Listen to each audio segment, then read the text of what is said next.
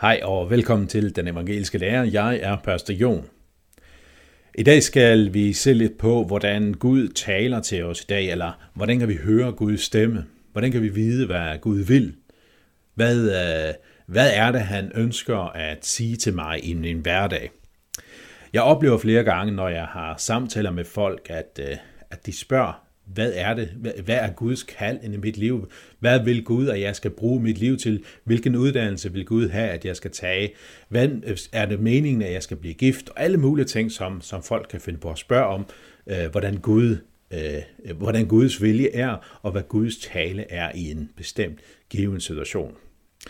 Vi vil prøve at se lidt på i dag, hvad Bibelen Øh, siger om, hvordan Gud taler til os.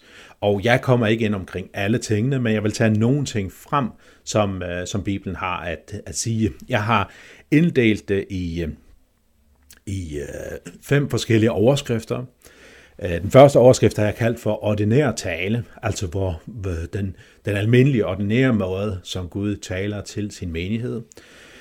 Dernæst, måske lidt i forlængelse af det kan man sige, er der den naturlige åbenbaring, hvor, hvor Gud taler til, til alle mennesker.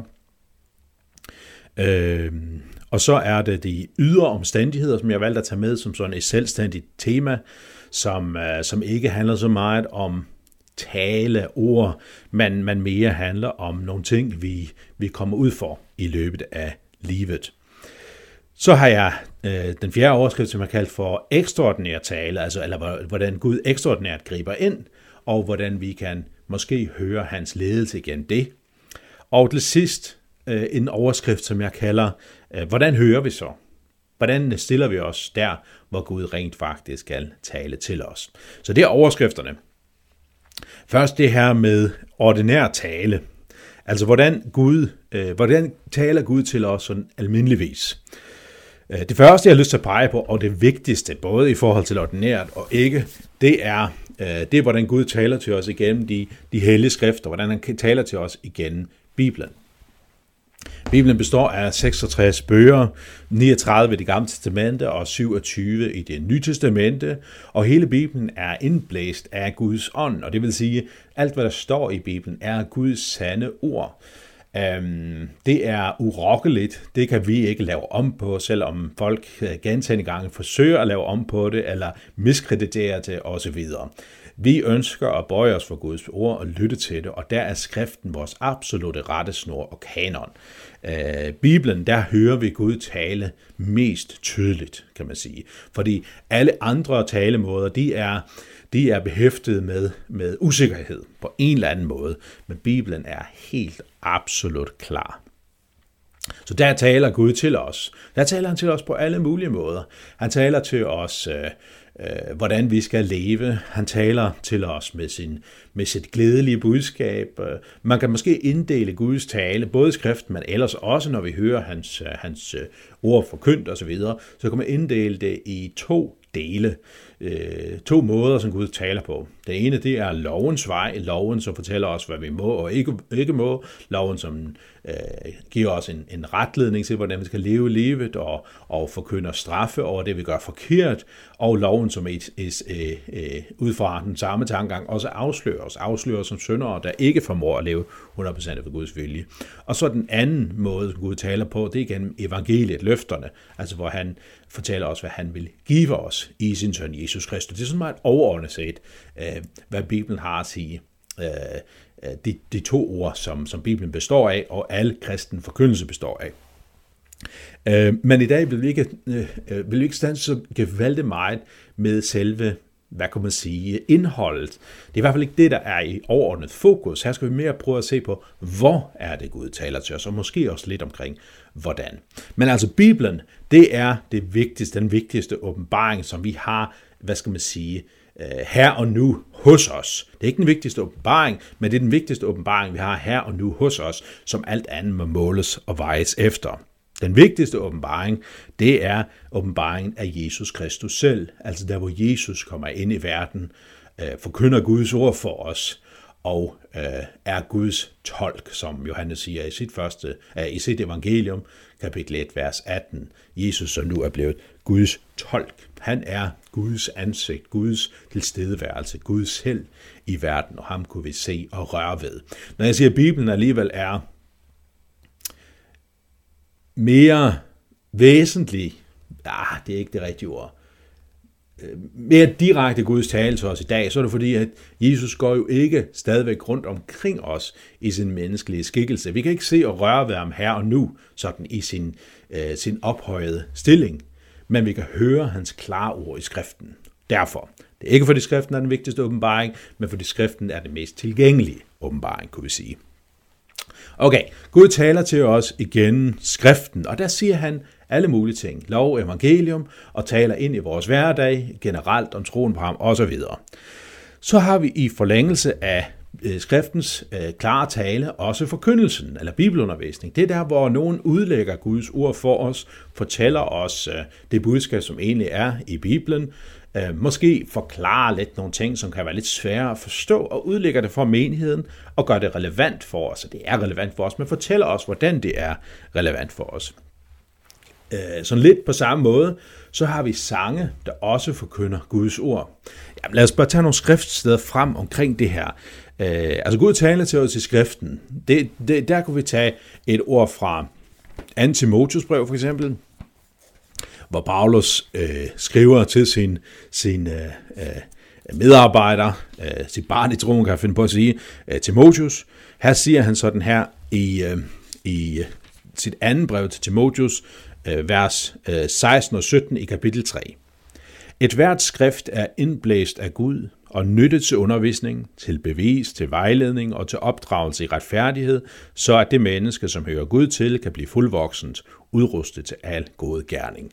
Bibelen er Guds klare ord. Bibelen er det, som vi bruger som målesnor, som rettesnor, som kanon for i den kristne kirke. Der er også andre steder, man kan tage frem. Jesus siger for eksempel også, at skriften kan ikke rokkes, og så videre. Der er mange steder fra Bibelen, hvor vi hører om skriften som Guds klare ord. Eh, måske en ting mere, jeg har lyst til at tage omkring det her med skriften og Guds ord, det er, når Jesus selv bruger skriften i sin, øh, øh, mens han bliver fristet af Satan. Øh, vi hører om den her fristelse i, i Matteus evangeliet kapitel 4, Matteus evangeliet kapitel 4, hvor øh, det er lige efter, at, at Jesus er blevet døbt af Johannes i, i Jordan, Jordanfloden, så tager ånden ham ud i ørkenen.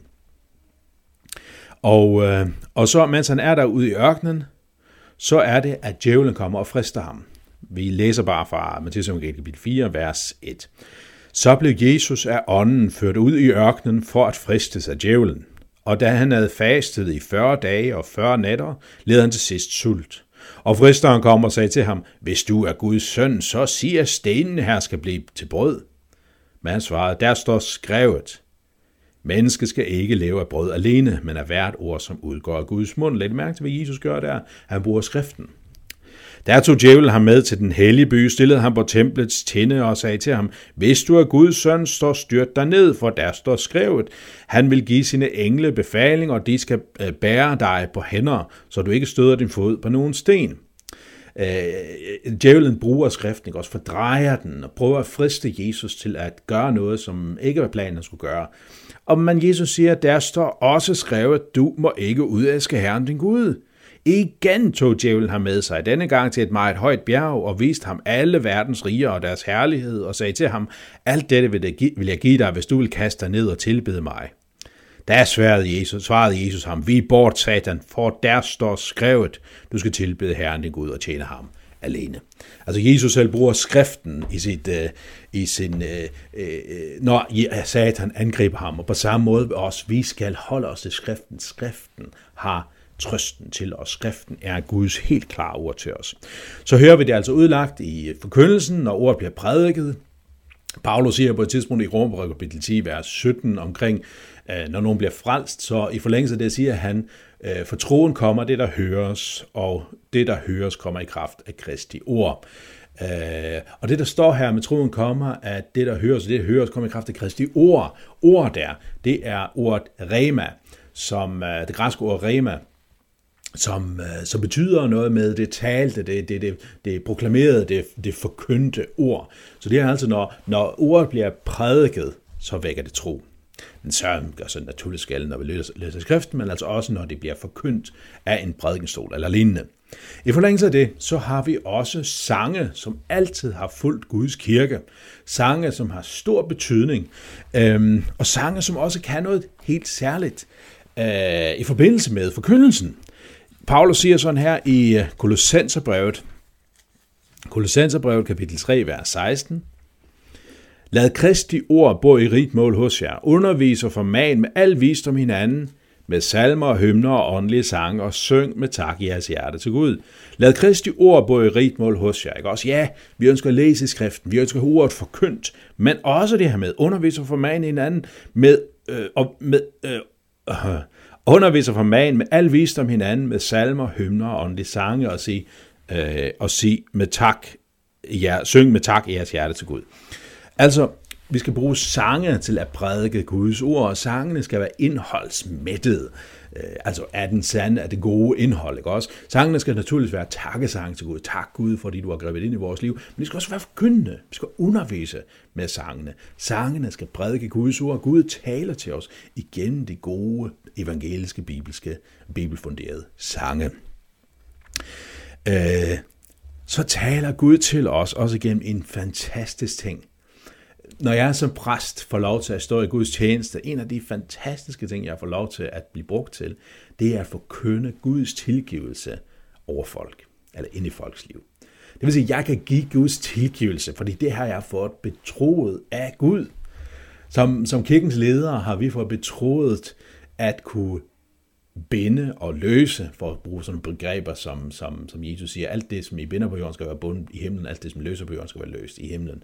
I kan se det på Johannes evangelie kapitel 20, vers 23, Johannes 20, 23, og Matteus evangelie kapitel 18, vers 18. Matthæus 18, 18. Øh, men det her får vi altså for lov, får vi lov til at forvalte som, som, som præster, som hyrder i Guds kirke, at hvis nogen kommer til os, bekender sine synder for os, anger det, han har gjort, tror på Jesus, så kan jeg få lov til at lægge hånden på vedkommendes hoved og sige, så tilsiger jeg dig alle dine synders nåde i forladelse i faderens og søndens og helligåndens navn. Wow, det får jeg lov til at forkynde i et folks, et andet menneskets liv. Guds tilgivelse. Gud taler til, til dig igennem absolution. Absolution, det er det, som sker, når præsten siger, så tilsiger dig alle dine synders nåde i forladelse. Det er afløsning, du bliver løst fra din skyld. Så der taler Gud til os igennem absolutionen. Så taler Gud også til os igennem kald, altså hvor vi bliver kaldt ind i en tjeneste. Lad os bare tage nogle enkelte steder frem. Øh, så nogle naturlige ting, man kan tage frem som, som kald, det er, det er, nu skal vi se, om, om jeg har et skriftsted, nu har jeg lige skrive det ned her et eller sted, hvor vi kunne finde øh, det henne. Øhm, jeg tænkte på der, hvor Timotius bliver kaldt, nej, vrøvl, det er øhm, øh, øh, Titus, der er Paulus for at vide, at han skal gøre en tjeneste, han skal tage til Kreta, eller han skulle være på Kreta, og når han er på Kreta, så, så siger Paulus sådan her til ham, når jeg lod dig blive tilbage på Kreta, var det for, at du skulle ordne, hvad der endnu stod tilbage, og indsætte ældste i byerne, sådan som jeg har pålagt dig. I Apostlen gerne kapitel 14, vers 23 står der noget, der minder om det. I hver menighed udpegede de derpå ældste for den efter bøn og, fa- og efter bøn og faste overgive, dem til, overgive de dem til Herren, som de var kommet til tro på. Og så siger Paulus øh, til Timotheus, Øh, Timotheus, 1. Timotheus 4.14, forsøm ikke den nådegave, som du fik i kraft af profetier og under håndspålæggelse af ældsterådet. Der er nogle mennesker, som er kaldet ind i en tjeneste. Det her kald, det er ikke øh, at du i dit indre føler, at jeg skal være en forkynder for Gud. Jeg har hørt nogen sige, at øh, øh, jeg skal være brugt af menigheden til at prædike, fordi jeg oplever, at Gud kalder mig til det. Nej, det er ikke der, kaldet kommer. Du kan godt blive følt at draget af det, og det, det er sundt. Det er godt, at nogen trakter efter at blive tilsynsmand, sådan som, som Paulus skal skrive til Timotheus også i 1. Timotheus kapitel, øh, øh kapitel 3. Men altså, øh, øh, det er ikke der, kaldet er. Kaldet det er et yderkald. Kaldet er menigheden, som siger, jeg vil, at du skal være præst. Jeg vil, at du skal være en tjener her i menigheden. Øh, og sådan er kaldet, kaldet med til, at, uh, at, at hvor Gud taler. Gud taler igennem kirken og indsætter os en tjeneste. Det her, det her handler ikke kun om, uh, om ordets tjeneste, men det handler også om uh, tjenertjenesterne. Uh, hvis vi står, slår op i Apostlenes Gerninger kapitel 6, så hører vi om uh, valget af de syv diakoner. Uh, Apostlenes Gerninger kapitel 6 fra vers 1. Da der i de dage blev stadig flere disciple, begyndte hellenisterne at skumle over hebræerne, fordi enkerne hos dem blev tilsidesat ved den daglige uddeling. De tolv sammenkaldte så hele discipleskaren og sagde, det er ikke rigtigt, at vi forsømmer Guds ord for at varetage tjenesten ved bordene. Find derfor blandt jer, øh, blandt jer selv, brødre, syv velanskrevne mænd, fyldt af ånd og visdom, så vi kan sætte til denne opgave. Men selv vil vi fortsat holde os til bønnen og tjenesten for ordet. Dette forslag tilsluttede hele forsamlingen sig, og de valgte Stefanos, en mand fuld af tro og helion, Philip, Prokoros, Nik- Nikanor, Timon, Pam, øh, Parmenas og Nikol- Nikolaos, en proselyt fra Antiochia. Dem fremstillede de for apostlene, som bad og lagde hænderne på den. Her er der nogen, som bliver indsat i en tjeneste for Gud som diakoner, altså som menighedstjenere.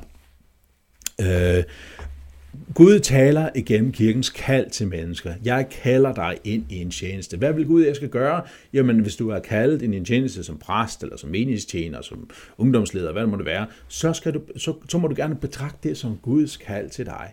Det er ikke først og fremmest, at du føler, at det indre, det kan du måske bruge som guidning og spørge om, det kan være rigtigt, men det er ikke det, der er kaldet. Kaldet, det er det, som kommer i det ydre. Øhm, også det her med kald, det her med kald, det er, øh, det har også noget at gøre med, hvad skal man sige, de almindelige hverdagsting, det, det, det almindelige øh, liv som menneske, og de, de ting, vi, vi, øh, øh, øh, øh vi lever i som ægtefolk, som forældre, som børn, som arbejdere osv. Øh, det hører vi om i de såkaldte hustavler, som, som nogle gange forekommer i Bibelen. Lad os bare tage et eksempel fra Efeserbrevet, eller det er Paulus, som typisk har de her husholder, men for Efeserbrevet kapitel, hvis vi læser fra kapitel, øh, kapitel 5, fra vers 21, hvis I har en bibel, så står der gerne en overskrift derovre, hvor der står en kristen husorden. Her hører vi om, at I skal underjære den anden i ære for, for Kristus, I hustruer under jeres mand som under Herren, for en mand er sin hustrus hoved, ligesom Kristus er kirkens hoved. Men elsk jeres hustruer, ligesom Kristus er elsket kirken, og så videre. Og så hvis vi ser i kapitel 6, børn adlyd jeres forældre i Herren, for det er ret og rigtigt. Er din far og din mor? Det er det første bud, der knytter sig et løfte til. Videre, slaver, adlyd jeres jordiske herre, som var det Kristus, med frygt og bæven og et oprigtigt hjerte, og så videre. Paulus taler ind i, i hverdagen, ind i de kald, som hvert menneske har fået givet. Altså kald til at være forældre. Det er, Guds, det er Guds kald til dig. Du er blevet forældre, altså er det Guds kald til dig, at du skal være forældre. Øh, øh, du er blevet født som barn. Guds, Gud har et kald til dig om at være barn. Du blev født som barn. Uh, også endda en slave. Gud ønsker jo ikke slaveri, vel? Gud ønsker jo ikke, at, at mennesket skal være magtesløs, og andre skal råde over det.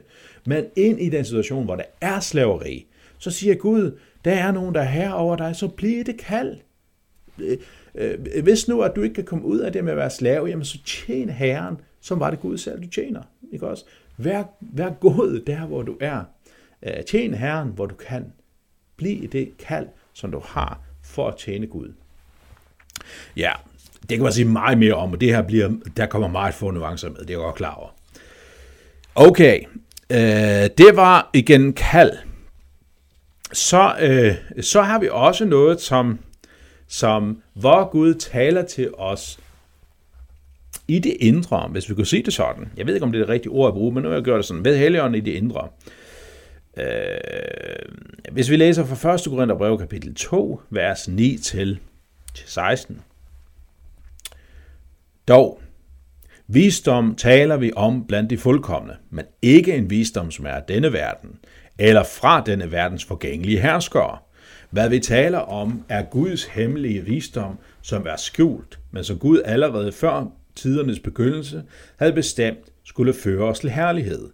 Den visdom har ingen af denne verdens herskere kendt, for havde de kendt den, ville de ikke have korsfæstet herlighedens herre. Men som der så skrevet, hvad intet øje har set og intet øre har hørt, og hvad der ikke er opstået i noget menneskets hjerte, det som Gud har beredt for dem, der elsker ham. Det har Gud åbenbart for os ved ånden. Til ånden renser alt, selv Guds dybder.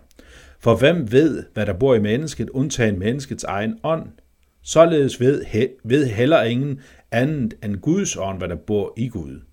Vi har ikke fået verdensånd, men ånden fra Gud, for at vi skal vide, hvad Gud i sin nåde har givet os. Og om dette taler vi ikke med ord, som menneskelig visdom har lært os, men med ord, som ånden har lært os, og vi tolker det åndelige for åndelige. Et sjældent menneske tager ikke imod det, der kommer fra Guds ånd. Det er dårskab for sådan et menneske. Og det kan ikke fatte, for det, bedømme, øh, for, for, for det bedømmes kun efter åndens målestok. Det åndelige menneske derimod bedømmer alt, men selv bedømmes det ikke af nogen. For hvem kender Herrens tanker og kan belære ham? Men vi har Kristi tanker. Altså, øh, Gud kan også tale i det indre, så at sige. Her er det vigtigt, at vi ikke adskiller det fra skriften. Det er jo ikke det, som er meningen her. Nej, hvad, der, hvad, hvad, hvad er det, som, som, som, som han siger her? Øhm,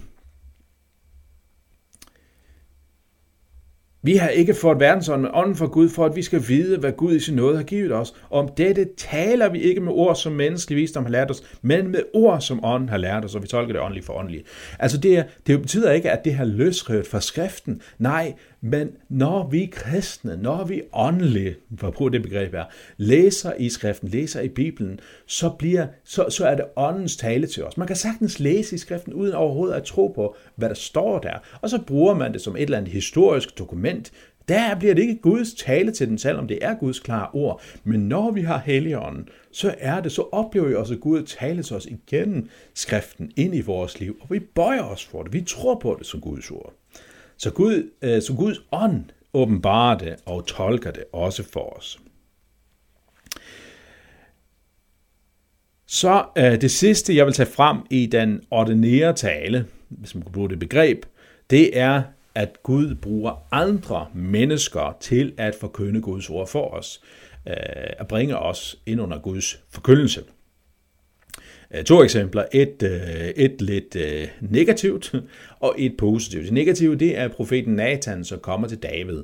Du kender øh, måske fortællingen om David, der Øh, der er utro, men ikke bare utro, han, han, han går i seng med en anden mands kvinde, og så, så, får han, så bliver, gør han hende gravid, og for at lade som om det ikke er ham, der har gjort hende gravid, men hendes mand, så prøver han at lokke, hende i seng med, lokke ham i seng med sin hustru, men han gør det ikke, fordi han bør være i krig sammen med sine medsoldater, og da det ikke lykkes at få ham i seng med sin kvinde, altså da David ikke får manden til at gå i seng med sin kvinde, så sender ham ud øh, i krigen ud til fronten, og så skal andre forlade ham. Han får simpelthen manden slået ihjel, og så den prøver han at dække over sin egen skyld.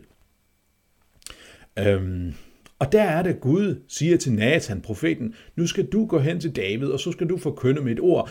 David har i princippet skrifterne. David har templet, som, som, som, som han kommer ind i, men han har lukket sig for budskabet. Og så er det, Gud sender Nathan, og Nathan bruger en lignelse til at forkynde Guds ord, og pludselig så åbenbares Guds vilje ind i Davids liv. Og han hører det, og han bliver nødt til at omvende sig. Sådan kan Gud tale igen andre mennesker. Der er også sådan mere, hvad skal man sige, en, en fortælling, som ikke nødvendigvis handler om, nu skal vi overbevise om synd, men også handler om, hvad er det, vi skal. Uh, her uh, hører vi om i Apostlenes Gerning kapitel 9, vers øh, 10-18, om Ananias, som, som får at vide af Gud, at, øh, at, øh, at han skal gå hen til Paulus, eller Saulus, som han, som han kaldte ham på det tidspunkt, men altså ham, som vi kender som Paulus. Det var inden han blev kristen, at Ananias skulle hen til ham og forkynde Guds ord for ham og fortælle ham, at Gud har store planer med dig.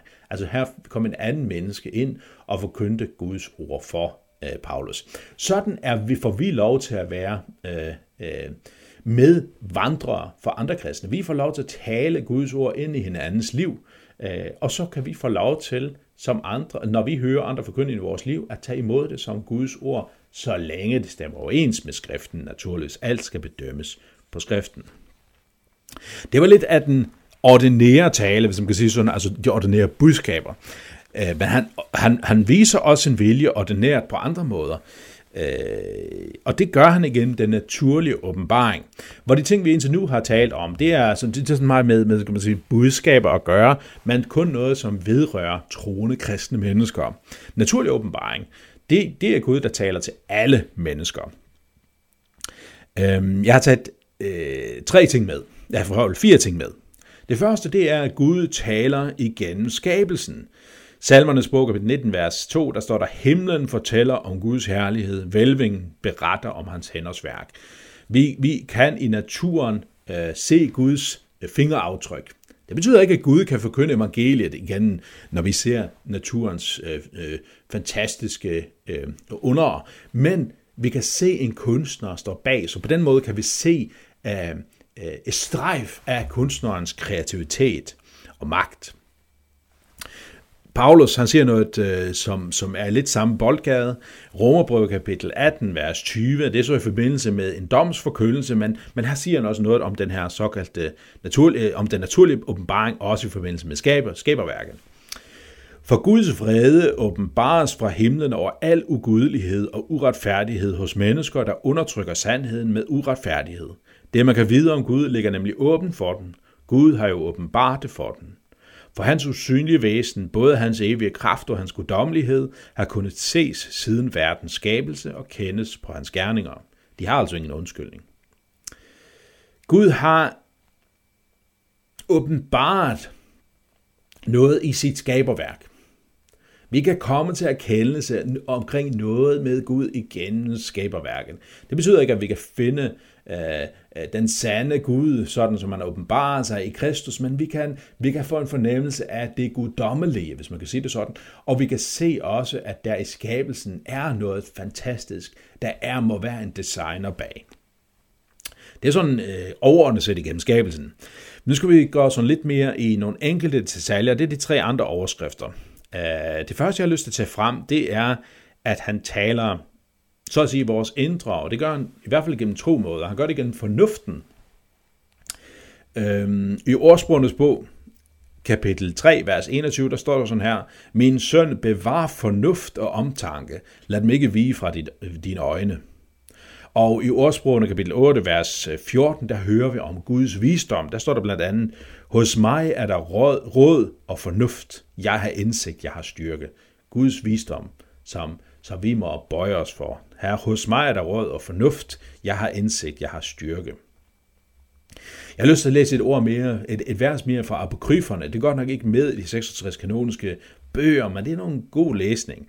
Og her står der sådan her i Siraks bog, øh, kapitel 17, vers 5. Menneskene modtog brugen af Herrens fem egenskaber. Som den sjette tildelte han den fornuftens gave, og så den syvende gav ham den ord til at forklare hans egenskaber. De fem egenskaber, det er de fem sanser. Øh, høre, lugte og alt det der ting, ikke også?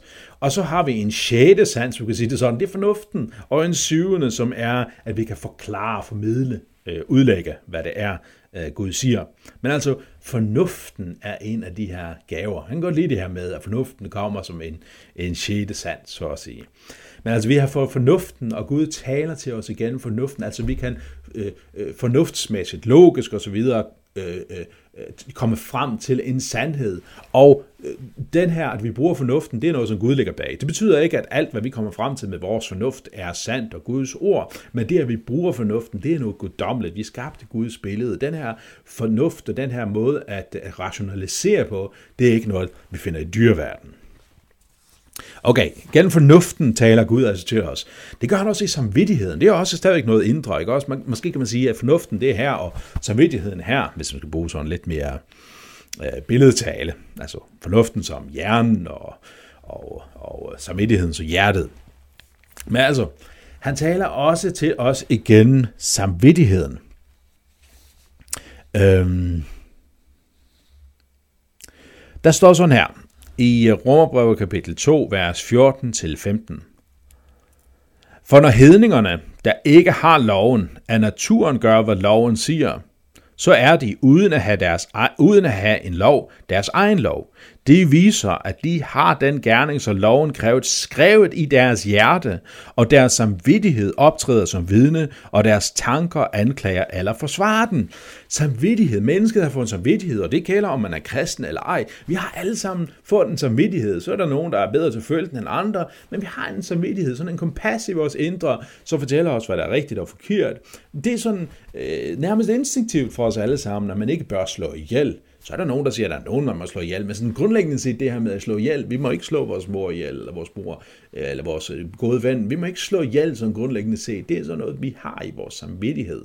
Gud taler til os og åbenbarer sin vilje for os i samvittigheden hos alle mennesker. Alle mennesker har i udgangspunktet, hvis de ikke er blevet helt ødelagt, har i udgangspunktet en samvittighed. Det er Gud, der, der taler øh, til os. Han taler ikke så klart, som man gør i skriften, og samvittigheden kan være korrumperet, men, men selve det, at vi har en samvittighed, er noget, som Gud har lagt ned i os. Øh, det sidste af den naturlige åbenbaring, jeg vil tage med, hvis man kan tage sæt under det punkt, det tænker jeg godt, man kan, det er, at Gud taler til os igennem øh, autoriteter. Øh, en af de ti bud lyder, at du skal ære din far og din mor. Øh, der er nogen, der er sat over os. Der er nogen, der er sat til at have myndighed over andre. Også, også igen, hvad skal man sige, øh, store eller øh, øh, myndigheder og magter, som, som har en større, øh, mere overordnet magt end forældrene. Der står sådan her i Paulus i Romerbrevet kapitel 13, vers øh, 1-7. Alle skal underordne sig under de myndigheder, som står over den, for der findes ingen myndighed, som ikke er for Gud, og de, der findes, er forordnet af Gud. Den, som sætter sig op imod dem, der har, for myndig, øh, har, har en myndighed, står derfor Guds ordning imod, og de, der gør det, vil pådrage sig dom. De styrende skal jo ikke skræmme dem, der gør det gode, men dem, der gør det onde. Vil du slippe for at frygte myndighederne, så gør det gode, og du vil blive rost af den. For de er Guds tjenere til dit eget bedste. Men gør du det onde, må du, må du frygte. Ikke for ingenting bærer myndighederne svær.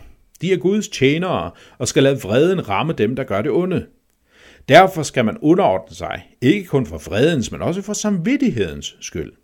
Derfor betaler jeg også skat, og de styrende er Guds tjenere, når de tager vare på det. Giv alle, hvad I skylder den. Den, der har krav på skat, skat. Den, der har krav på 12, 12. Den, I skylder frygt, frygt, og den, I skylder ære, ære. Gud har skabt verden sådan, at der er myndigheder over os.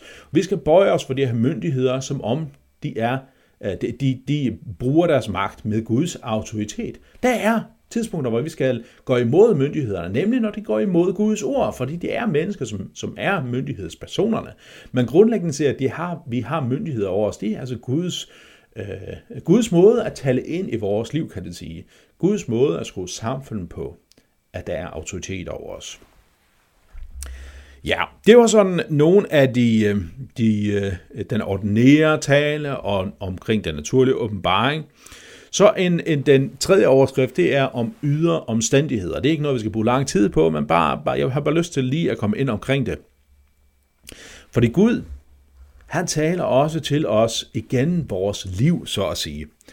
Øhm, det gør han for eksempel igen modstand. Der står sådan her i salme 119, vers 67-68. Før jeg blev ydmyget, får jeg vild, men nu følger jeg dit ord.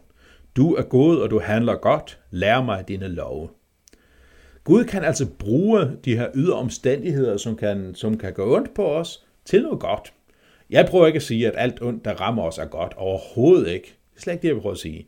Jeg siger bare, at Gud kan, øh, Gud kan øh, igen modstanden rent faktisk øh, lære os noget. Det er i hvert fald det, som salmisten her har oplevet. Før jeg blev udmødt, for jeg vil, men nu følger jeg dit ord. Altså han kan på en eller anden måde, igennem den her ydmygelse, han har oplevet, se at, hov, Guds øh, vej er anderledes, eller hvordan han har oplevet det. Øhm, Paulus siger noget lignende i Romerbrevet kapitel 5, vers 3 og 4. Og ikke alene det, vi er også stolte af vores trængsler, fordi vi ved, at trængslen skaber udholdenhed, og udholdenheden fasthed, og fastheden håb. En anden øh, ting, jeg har lyst til at tage frem, også for Romerbrød, det er kapitel 8, vers 28, som er sådan lidt i samme boldgade. Vi ved, at alt virker sammen til gode for dem, der elsker Gud, og, efter, og som efter hans beslutning er kaldt. Altså, øh, her taler han mere overordnet end bare det er ledelsen og de svære ting, der fører, at, at, hvor Gud på en eller anden måde kan bruge til at tale til os. Her gør han det endnu mere bredt, at alt, som kristne oplever, vil Gud på en eller anden måde øh, øh, øh, få det til at virke sammen til gode. Hvad helt præcis betyder det, det ved vi ikke 100%, men på en eller anden måde vil Gud øh, tale igen alle de ting, der sker hos, i den kristnes liv. En sidste ydre omstændighed, jeg vil tage med, det er erfaring. De erfaringer, vi har gjort, og også der kan Gud tale igen. Øh, øh, man kan sige, at, at øh, salmisten, som har skrevet salme 77, han har oplevet nogle negative ting med Gud, og det virker som om, at Gud slet ikke hører ham. Så siger han sådan her, øh, salmernes øh, bog 77, vers 11-13.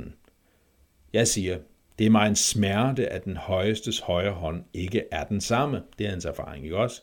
Jeg vil nævne Herrens gerninger, for jeg husker din underøje fortiden. Jeg grunder over hele dit værk. Jeg tænker over alle dine gerninger. Ikke også?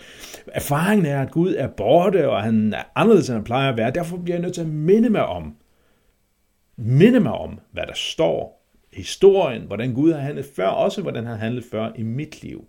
Jeg minder mig selv om det, for erfaringen lærer mig også noget. Derfor øh, øh, beder også en anden, øh, eller salmisten også i salme 103, vers 2, Min sjæl pris Herren, glem ikke hans velgærninger, glem ikke hans velgærninger, husk tilbage, hvad det er, han gør. 5. Mosebog kapitel 4, vers 9, man tager dig i agt og pas godt på, at du ikke glemmer, hvad du, har, hvad du selv har oplevet. oplevet. Det må ikke gå dig at minde, så længe du lever. Fortæl det til dine sønner og dine sønnesønner. Øh, husk den fortælling, den historie, du har sammen med Gud. Alt sammen skal prøves på skriften, naturligvis. Så fjerde overskrift. Hvordan Gud taler ekstraordinært til os. Overnaturligt, hvis du vil.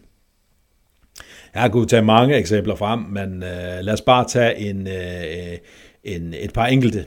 Øh, Gabriel, Gabriel, Guds engel, åbenbarer sig, jeg ved gammelt som det hører man åbenbarer sig, men her i nyt som det hører vi, han åbenbarer sig for Zacharias, Johannes Døbers far, og for Maria, øh, Jesu mor.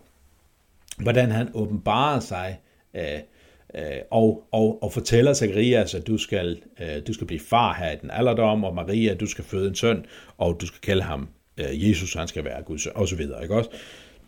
Her kommer en engel helt overnaturligt åbenbare sig for de her mennesker. Jeg tror ikke, de fleste af os oplever det her med, at der kommer en engel og taler til os. Jeg har hørt enkelte historier. Jeg, jeg har faktisk døbt nogen, som, som kommer fra et ikke-kristent land, hvor kristendommen øh, kun var nogen helt særligt havde, om de måtte ikke missionere osv. Og så var det, at, at, øh, at, at øh, de her, det her par, Øh, Øh, den ene af dem havde oplevet at se en Guds engel, som sagde, det er altså kristendommen, I skal følge. Det er Bibelen, I skal læse i for at finde Gud. Øh, de har set en engel, ikke? og sådan kan Gud gøre det, men det hører altså virkelig til sjældenhederne. Men i Bibelen hører vi om det nogle gange her ved Maria og Zacharias, men også det gamle testamente, profeten Daniel, Uh, vi hørte om, om uh, hvad hedder det, øh, uh, Samsons forældre osv. Altså englen, som viser sig åbenbart som folk. Det er en ekstraordinær måde, og det er en sjælden måde. Det er ikke sådan, at vi kan sige til Gud, Gud, du skal åbenbare dig for mig som en engel. Vi har ikke krav på noget som helst. Vi skal heller ikke forvente, at han vil åbenbare sig for os som en engel. Men altså, det kan han gøre, hvis han vil, og når han vil. Så der åbenbarer han sig sådan overnaturligt igennem engle, eller igennem syn og åbenbaringer osv. Han gør det også med, øh, i forlængelse af det, gør han det nogle gange med en hør, hørbar stemme. Sådan øh, hører øh, Noah Gud tale til sig, sådan hører Abraham Gud tale til sig, sådan hører Job Gud tale til sig, altså hvor man hører på en eller anden måde hører på stemme. Hvordan helt konkret det har været, det ved vi ikke, men Gud taler et, et forståeligt ord direkte til de her de her mennesker. Øhm, vi hører også om i, øh, i første Grønnerbog, vi hører om flere andre steder i nyhedsmændene, men altså i første Grønnerbog kapitel 11-14, der hører vi en del om den profetiske gave hvordan Gud kan tale overnaturligt til mennesker i menigheden. Vi hører ikke så mange eksempler på det, de her profetiske budskaber, men vi hører, at de er der, og vi ikke må ringe agte den profetiske tale, det siger Paulus i en anden brev at vi skal gøre brug af de profetiske gaver, når de er der. Hvad betyder det helt konkret? Måske er der en distinktion, vi bliver nødt til at have med, og det er, at den ene er en profetisk øh, nådegave, og det andet er muligvis en profetisk tjeneste. Altså at tale profetisk ikke nødvendigvis knytter sig opad en profetisk nådegave. Det er ikke helt at se ud af sammenhængen, men i, i så fald, så kunne det være en profetisk tale. Det kan bare være en, bare, det er en forkyndelse, en proklamerende forkyndelse, en vækkelsestale, baseret på Guds ord. Eller en konkretisering af noget. Men altså, selve profetien, hvad er en profeti? I vores tid, så synes jeg, at jeg hører mange tale om profeti, så bliver det meget sådan, når jeg føler, at jeg oplever, at jeg har mærker sådan Guds øh, øh, i mit indre siger, og, og, og, og så bliver det sådan nogle diffuse budskaber, der kommer, og nogle gange tager man fejl, og nogle gange tager man ikke fejl. Det gør ikke så meget. Man skal bare prøve det på skriften. Og, og jeg er glad for, jeg er glad for, at man siger, at man skal prøve det på skriften. Det, det er sundt, og det er godt. Men jeg kan ikke se den måde, øh, den beskrivelse af profetien i Bibelen og i det nye testamente. Øh, profeti er langt mere konkret, øh, langt mere tydelig. Øh, det er ikke sådan, at jeg fornemmer, at... Øh, altså den eneste, jeg lige umiddelbart kan komme tanker om, måske er der flere, men umiddelbart kan komme tanker om, hvor vi hører noget, der minder om noget i den retning, det er gamle Simeon, som blev tilskyndet til at gå op i templet. Men altså når man ser på, hvad andet han får at vide af Gud, så ser det ud til at være temmelig konkret, det han får, får, får givet, og det er sande ord, og det er ikke noget, han på den måde betvivler. Kan man få falske profetier? Ja, det kan man, men så er man også en falsk profet. Øh, dem taler, den advarer Jeremias for eksempel imod. Så hvad er profetier? Jeg tror ikke, at vi møder mange profeter i dag. Jeg vil ikke benægte, at der findes profeter, men jeg tror, meget af det, vi kalder profetisk tale i dag, ikke er profetisk tale. Kan Gud så tale på andre måder? Ja, han kan så. Men jeg tror samtidig ikke, at det er noget, vi kan forvente. Jeg tror ikke, at en, der har profetisk tale, pludselig nu kan, kan rejse op og sige, nu vil jeg få Gud til at, til at tale til jer. Uh, Hvordan skal det så forstås? Hvordan skal det forstås også i, i 1. kapitel 14, når, når Paulus taler om, at profeten er herre over øh, profetens ånd, eller hvordan det står? Jeg tror ikke, det handler om, at han kan fremtvinge en profeti, men det handler om, at han ikke behøves bare pludselig at bryde ud, når han ser noget, men han, øh, han kan bruge sin fornuft, han kan bruge de omstændigheder, han har til at bringe det frem, når det er, øh, når det er fornuftigt, og når det kan lade sig gøre, når der er plads til det. Men som sagt, Ja, undskyld, men jeg, jeg synes, det er svært at se meget af det, man kalder, som øh, kalder profeti i dag, virkelig er profetisk tale, sådan som Bibelen taler om profetisk tale. Nogle gange så hører jeg også om, i den forlængelse, at, øh, at Bibelen siger, at Gud taler til os igen øh, den stille, sagte susen, øh, sådan som det bliver beskrevet i, i øh, 1. kongebog, kapitel 19, vers 11-13, der står, der lød det, gå ud og stil dig på bjerget for Herrens ansigt, så vil Herren gå forbi. Forud for Herren kom der en voldsom og kraftig storm, der splintrede bjerget og knuste klipper. Men Herren var ikke stormen. Efter stormen kom et jordskælv, men Herren var ikke i jordskælvet. Efter jordskælvet kom en ild, men Herren var ikke i ilden. Efter ilden lød der en sagte susen. Da Elias hørte det, tilhørte han sit ansigt med kappen og gik ud og stillede sig i hulens åbning. Da lød en stemme, hvad vil du her, Elias?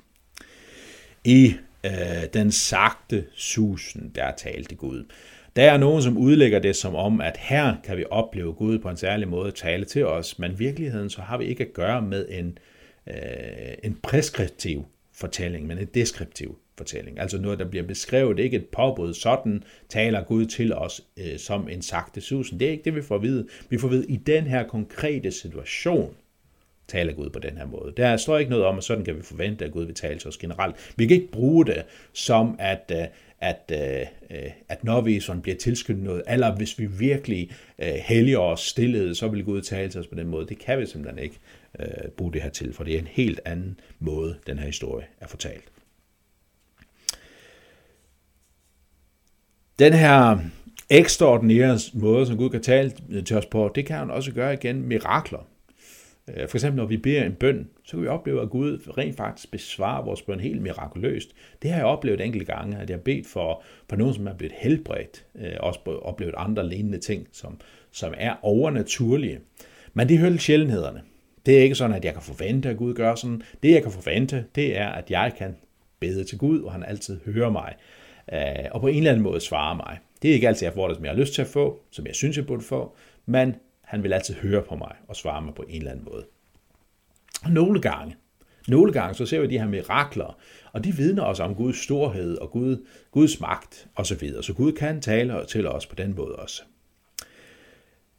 Men i forhold til de her ekstraordinære ting, så har jeg lyst til at, øh, at pege på noget, som slet ikke virker ekstraordinært, men som er det mest mirakuløse overhovedet, synes jeg. Og det er, når Gud taler sakramentalt. Det er sådan, som Gud taler til os igennem dåben og igennem nadvåren. Prøv at høre, hvordan Peter siger om dåben i Apostlenes Gerninger, kapitel 2, vers 38. Peter svarede, omvend jer og lad jer alle døbe i Jesu Kristi navn til jeres synders forladelse, så skal I få Helligånden som gave. Wow! Gud taler sin tilgivelse i dåben, og vi får Helligånden som gave. Her taler Gud stærkt til os igen vandet og ordet, som lyder ved vandet. Du er mit barn, du er min disciple. I, i, i dåben bliver du korsfæstet med Kristus, du iklædes Kristus i, i dåben osv. Så Bibelen har masser af løfter knyttet til det her med dåben. Dåben er Guds tale ind i dit liv. Tag imod det. På samme måde med nadveren, også et fantastisk budskab. Øh, lad os bare læse lidt fra 1. Korinther 11, vers 23 til vers 26. Paulus siger, for jeg har modtaget fra Herren, og også overleveret til jer, at Herren Jesus i den nat, da han blev forrådt, tog et brød, takkede, brød det og sagde, dette er mit læme, som gives for jer. Gør dette til iukommelse af mig. Lige så tog han også bæret efter måltidet og sagde, dette bærer af den nye pagt for mit blod. Gør dette hver gang I drikkerne til iukommelse af mig. For hver gang I spiser dette brød og drikker bæret, forkynder I Herrens død, indtil han kommer. Matteus evangeliet kapitel 26, der hører vi også om, at det er til synders, øh, at vi, vi drikker det til, til vores synders forladelse. Altså, det er fantastiske ting, der sker i nadveren. Vi, nadveren forkynder Kristi død, og det er Jesu leme og blod, og vi får syndernes forladelse. Wow! Her taler Gud helt ekstraordinært, men på, i, næsten i sin modsatte skikkelse til os. Ikke også? Den almægtige Gud, som blev menneske, viser sig for os i sådan et lille stykke brød og en chat vin. Wow. Okay, den sidste overskrift, som jeg har lyst til at komme ind på, det er, hvordan kan vi så høre Guds stemme? Hvordan kan vi høre Gud tale til os? Vi har hørt sådan lidt om, hvor han gør det i den ordinære tale, først og fremmest skriften, gennem naturlig åbenbaring, ydre omstændigheder og så de her ekstraordinære ting. Men hvordan hører vi så Gud? Hvordan kan vi øh, være lydhøre over for det, han siger? Øhm, der er en del ting, man skal frem. Jeg har lyst til først at pege på 2. Korintherbrev kapitel 13, vers 5, hvor der står, Rensag jer selv, om I er i troen. Prøv jer selv. Ved I ikke, at Kristus er i jer, eller står I ikke i jeres prøve? Altså prøv jer selv. Når vi hører til ordet, så nogle gange kan det være godt, at, øh, at vi prøver, prøver os selv. For det første prøver os selv på ordet. Øh, er vi lydhøre overfor ordet siger ikke bare os selv, men også at vi renser os selv på den måde, at vi prøver at afklæde os alle øh, øh, de fordomme, de forudfattelser, vi har i forvejen, inden vi læser ordet, altså vi synes, man skal læse det på den her måde, for det passer bedst ind i mit hoved, men vi også tør at give slip på de her forskellige øh, øh, ting, som vi klæder os på med, og ture at stå nøgen i Guds øh, nærhed og Guds ords nærhed og lytte til, hvad han siger ind i vores liv. Så det, det kan nogle gange være, være en god ting, at man renser sig selv øh, og prøver øh, lytte egentlig til det, der står. Øh, lidt i forlængelse af det, så prøv forkyndelsen. Prøv den af. Lad os bare tage øh, tre skriftsteder frem.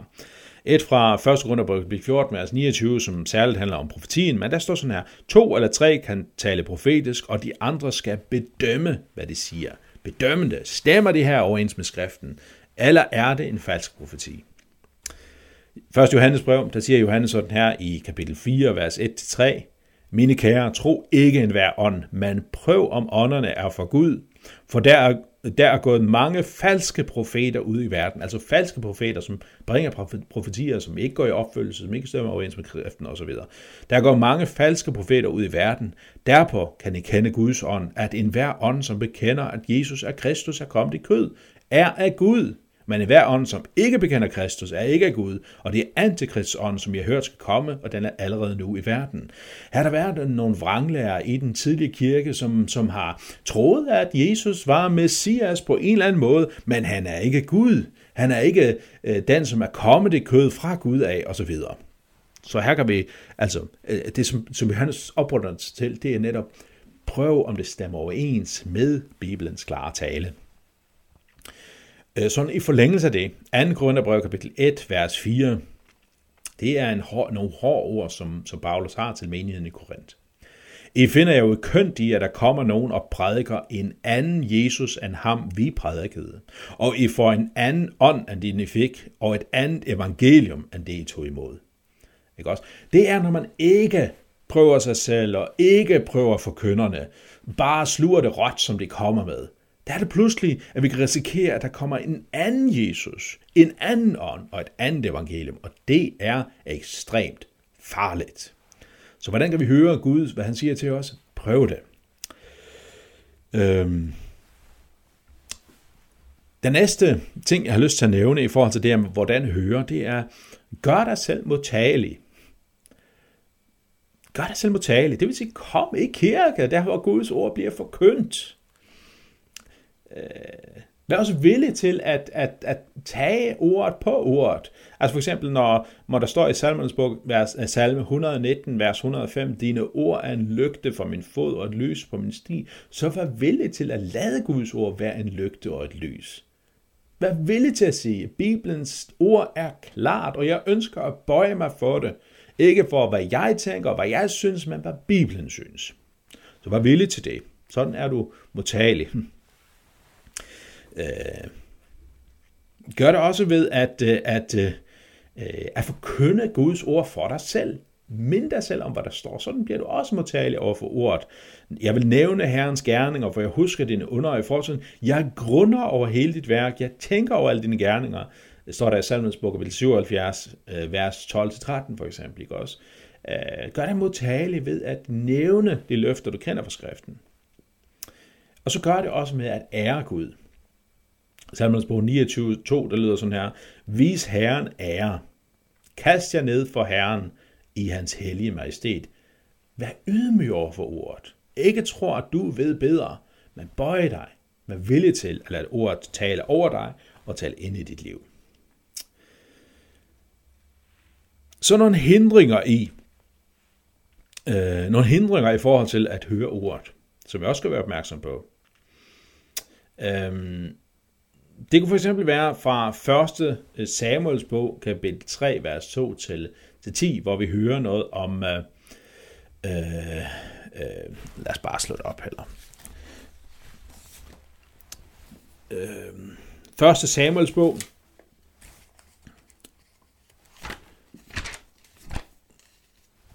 skal vi lige finde den rigtige.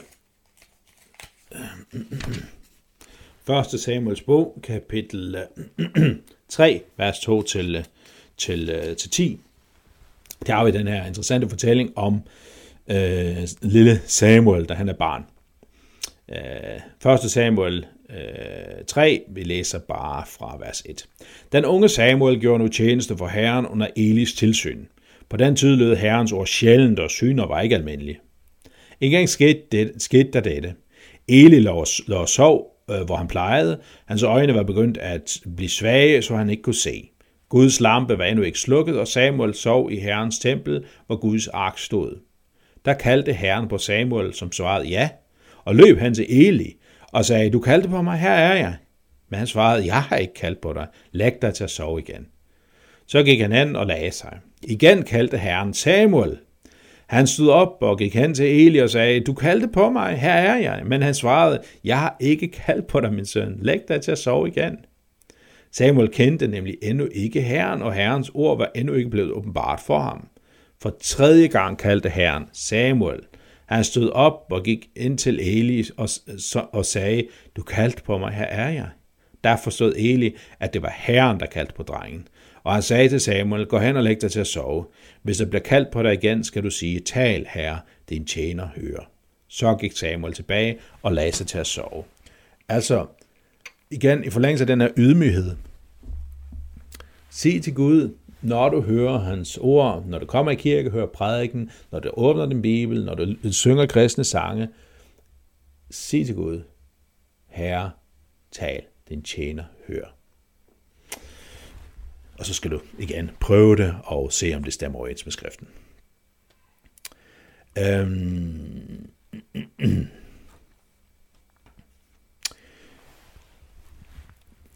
Der er øh, der er en anden ting, som, som, som jeg vil tage frem, øh, som også er vigtigt at have med, som, som jeg synes nogle gange bliver glemt i nutidens kristendom. Øh, det er, at vi ikke skal stole på os selv. Det lyder måske indløsende, og det er der mange, der vil sige. Men alligevel, når man taler om, hvad er Guds vilje? Hvad, hvad, hvad mærker du i dit hjerte? Hvad føles som det rigtige?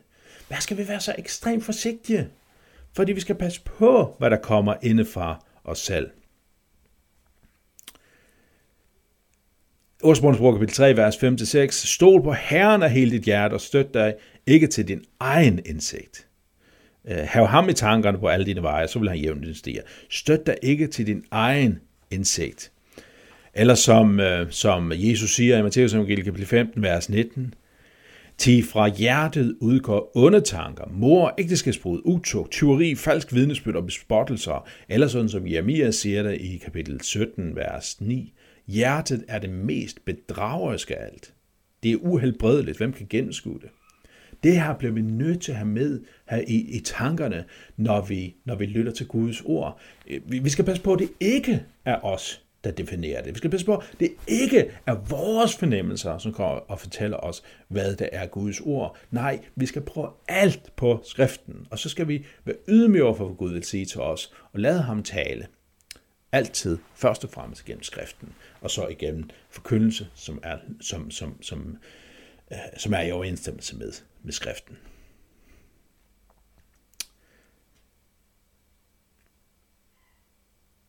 Endelig så har jeg bare lyst til at tage et enkelt sted øh, frem fra, fra 2. Peters brev, 2. Peters brev, kapitel 1, vers 19 til 21. Så meget mere står profeternes tale for os. Øh, så meget mere fast står profeternes tale for os, og den gør I ret i at være opmærksom på som en lampe, der skinner på et mørkt sted, indtil dagen bryder frem og morgenstjernen stiger op i jeres hjerter. Men først skal gøre klart, at ingen selvbestaltet kan tyde nogen profeti i skriften, for ingen profeti er nogensinde lyttet i kraft af et menneskets vilje, men drevet af Helligånden, har mennesker sagt, at det kom fra Gud. Ingen har selv bestaltet, ikke også? Lad være med at lytte til dit eget hjerte. Lad være med at stole på din fornuft som det, som kan definere, hvad Guds ord er. Nej, lyt til profet, profeternes og apostlenes stemme i Bibelen. Og lad dem være med til også at give klarhed over, hvad de andre mener. Guds, hele Guds Bibel er hele Guds ord, og Bibelen er sin egen tolker. Her var der nogle tanker omkring, hvordan Gud taler til os, og vi har været lidt vidt omkring. Jeg håber, at I har fået noget øh, øh, at tænke over, og måske også har fået lyst til at fordybe endnu mere i skriften, hvad skriften egentlig siger om, hvordan Gud taler til os, og ikke bare hvad, hvad nye tendenser siger, men hvad er det rent faktisk, skriften siger. Gud velsigne og bevare dig.